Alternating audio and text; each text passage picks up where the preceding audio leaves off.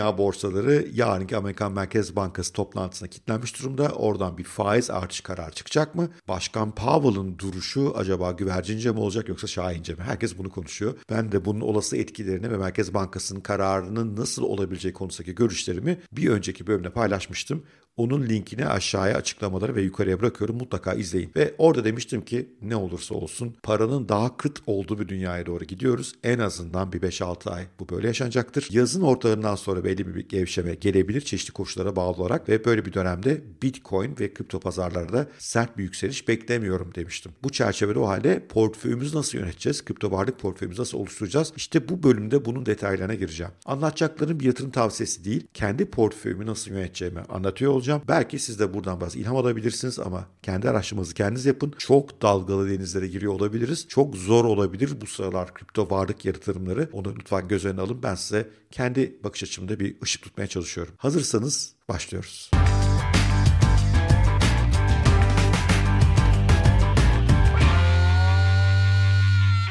Para bolsa yani insanlar gelip bankadan istedikleri anda kredi alıyor biliyorlarsa daha fazla risk almaya eğilimli oluyorlar. Bu alışverişlerine de yansıyor, bu yatırımlara da yansıyor.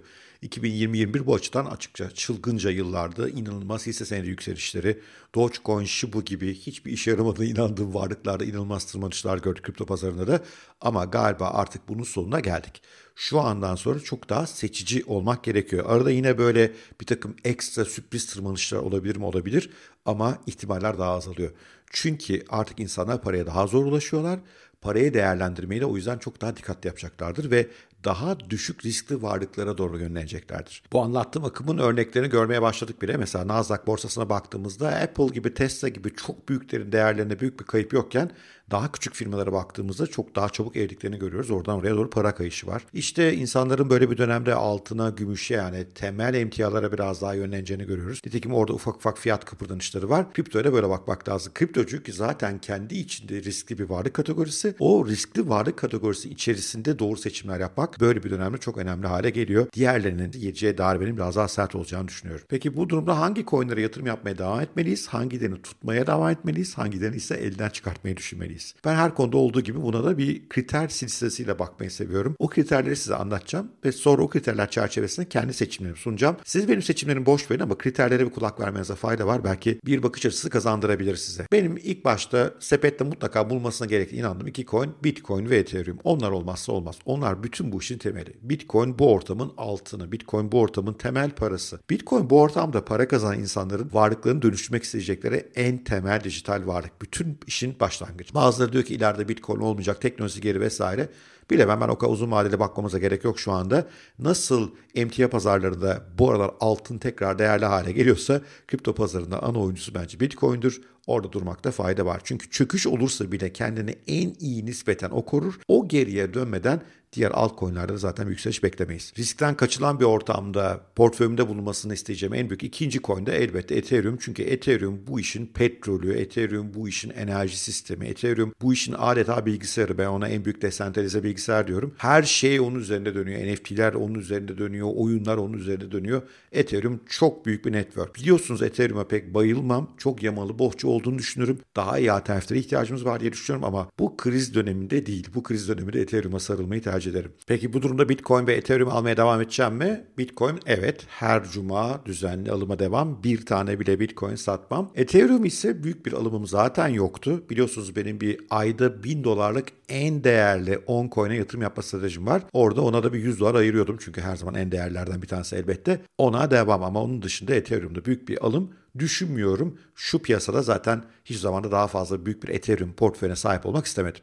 Şimdi Bitcoin Ethereum aradan çıkardıysak ne var geriye? Geriye kalan tokenları aslında temelde iki kategoriye ayırabiliriz. Birinci seviyede neler var? Kendi blockchain'i olan Bitcoin'e veya Ethereum'a belli bir alanda rakip olmaya çalışan büyük coin'ler. Neler var burada? Cardano'lar var, Avalanche'lar var, Monero'lar var, Litecoin'ler var. Bunlar ya Bitcoin ve Ethereum'dan hızlı olduklarını iddia ediyorlar ya daha güvenli olduklarını ya kullanıcılara daha ciddi gizlilik sağladıklarını veya spesifik bir problemi daha iyi çözdüklerini mesela Solana'nın NFT tarafı tarafında olduğu gibi böyle iddiaları olan ve kendi chainleri olan, blockchainleri olan Büyük coinler bunlar. Bu kategoride Cardano ve Avalanche dışında her şeyi elimden çıkartıyorum. Çünkü esas blockchain'ler yani Bitcoin ve Ethereum blockchain'inin bile küçüldüğü bir ortamda alternatiflere bir nefes alma şansının olmayacağına inanıyorum. Cardano ve Avalanche tutmamın sebebi de bunların projelerine çok inanıyorum. Avalanche'ın ve Cardano'nun özellikle Ethereum'un pek çok açığını kapatmak konusunda çok iddialı işler olduğunu, arkalarındaki takımların kuvvetli olduğunu, developer kadrosunun kuvvetli olduğunu, topluluğun kuvvetli olduğunu düşünüyorum ve onları elimden çıkartmak istemiyorum. Onları biraz bekleteceğim. Portföyümü onlarda küçültür müyüm? Belki biraz küçültebilirim ama büyük oranda saklıyor olacağım. Geri kalan her şeyi satıyorum. Tabi burada bir kafa karışıklığı olmasın. Her ay söz verdiğim 1000 dolarlık en değerli 10 coin almaya devam edeceğim. O benim için bir yan proje. Geçen ay aldığım 100'er dolarlık böyle 10 tane coin vardı. Bunları almaya devam ediyor olacağım. O çerçevedekileri elde tutacağım ama diğer portföyümdeki daha büyüklerin hepsini eliyorum şu anda. Bir ikinci seviye daha var bu token dünyasında. Orada neler var? Kendi blockchain'i olmayan mevcut blockchain'leri mesela Ethereum üzerine oturup belli işleri çözen tokenlar var. İşte atıyorum Axie var mesela bir oyun tokenu olarak. Fan tokenlar var. Bunlardan epeyce çok bulunuyor. Bunların hepsini boşaltıyorum diyebilirim. Sadece Metaverse tarafında bir tane coin elimde tutuyorum bir de Web 3.0 tarafında bazı coinleri almayı planlıyorum. Başka bir alım burada yapmayacağım. Bu Metaverse tarafındaki coin'i daha sonra açıklayacağım. Hayır, Mana değil, Decentraland'den de çıkıyorum. Başka bir coin daha çok ilgimi çekiyor. Bir sonraki bölümde belki onun detayına gireriz. Şimdilik sadece ipucu vermiş olayım. Ama onun dışında bu seviyedeki bütün tokenları çıkarıyorum.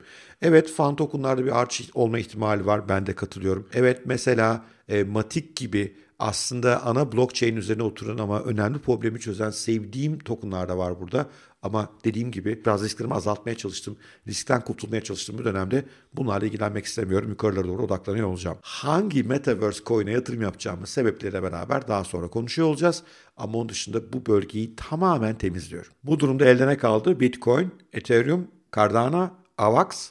Bir de bunların üzerine bir tane Metaverse coin'i bir de o düzenli almaya devam ettiğim 10 farklı büyük coin. Bunun içerisinde zaten Ethereum, AVAX, Cardano yine varlardı. Yani geriye 7 tane daha coin'den aylık 100'er dolarlık alımlar. Bitcoin almaya cumaları devam ediyorum. Diğer hiçbir şeyde şu anda alım yapmayacağım. Sadece o 1000 dolarlık aylık alımım dışında. Benim kabaca stratejim bu. Bu strateji nereye kadar devam eder? Şimdi aşağıya doğru baktığınızda Bitcoin mesela 20 bin doların altına doğru sarkma eğilimi gösterirse bütün portföyü elden çıkartabilirim. Çünkü 20 bin dolar bir önceki 4 yıllık e, döngünün en yüksek noktasıydı. Onun altına inmiyor olmamız lazım. O çok moral bozucu olur. İnşallah bak gerçekleşmez ama gerçekleşirse bütün bu portföyün tamamını boşaltabilirim. Onun dışında portföyle oynamayı pek düşünmem. Eğer 30 bin doların altına inip orada çok uzun oynanırsa bir miktar küçülmeyi yapabilirim. Orada da artık Cardano ve Avax'tan da çıkıp hatta Ethereum'da küçülüp iyice Bitcoin'e doğru odaklanırım. Diğerlerini küçültürüm. Benim en azından stratejim bu. Tabi bu strateji doğrudur, yanlıştır. Daha karlı stratejiler mutlaka vardır. Ama herkesin kendine göre bir risk algısı var, bir risk yönetimi var ve bir uzun vadeli bakışı var.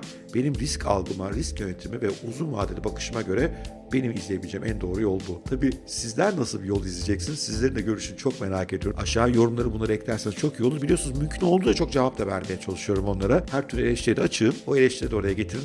Biraz tartışalım, konuşalım. Herkesin kendi yolunu bulmasına yardımcı olmaya çalışalım. Evet bu bölümün sonuna geldik. Hoşunuza gitmişse bir like, bir yorum süper olur. Bir de küçük bir hatırlatma. Dünya sadece kripto varlıklara yatırımdan oluşmuyor. Kendinizi geliştirmeniz gerekiyor bir yandan da ki daha fazla para kazanabilin, kariyerinizi ilerleyin, daha iyi bir hayat yaşayın. O konuda bizim harika bir e-bültenimiz var. Haddini aş diye. Hemen hemen her gün e-postanızı müthiş içerikler yolluyoruz. Gelin oraya da üye olun. Çok seveceğinize eminim.